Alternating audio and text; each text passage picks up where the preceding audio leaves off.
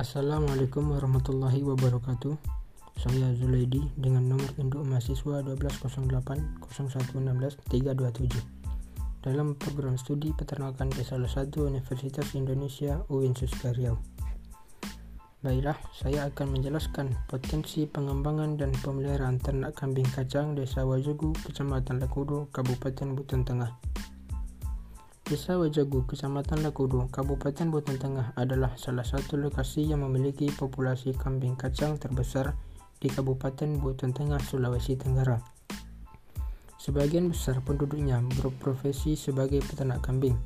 Tujuan pemeliharaan umumnya hanya untuk mendapatkan anak atau produksi daging, sehingga potensi lain dari kambing kacang seperti limbah belum termanfaatkan.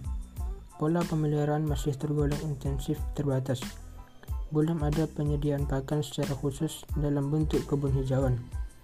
Peternak belum melakukan pengawetan pakan untuk persediaan musim kemarau. Peternak belum melakukan penanganan ternak sakit secara khusus.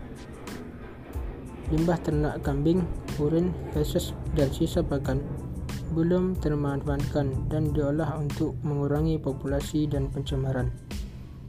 Apabila potensi peternak kambing kacang yang ada di lokasi mitra dapat dioptimalkan, maka peternak bisa memperoleh penghasilan tambahan dalam rangka peningkatan ekonomi rumah tangga peternak.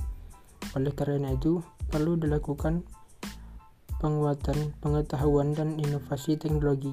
Solusi yang dapat ditawarkan dalam pengabdian ini adalah meningkatkan persepsi dan pengetahuan ternak tentang potensi ternak kambing kacang, manajemen ternak kambing kacang, manajemen kesehatan, manajemen pakan. Selain itu, perlu peningkatan skill atau kemampuan peternak dalam membuat diversifikasi produk pengawetan pakan dan pengolahan limbah. Demikianlah yang dapat saya sampaikan. Assalamualaikum warahmatullahi wabarakatuh.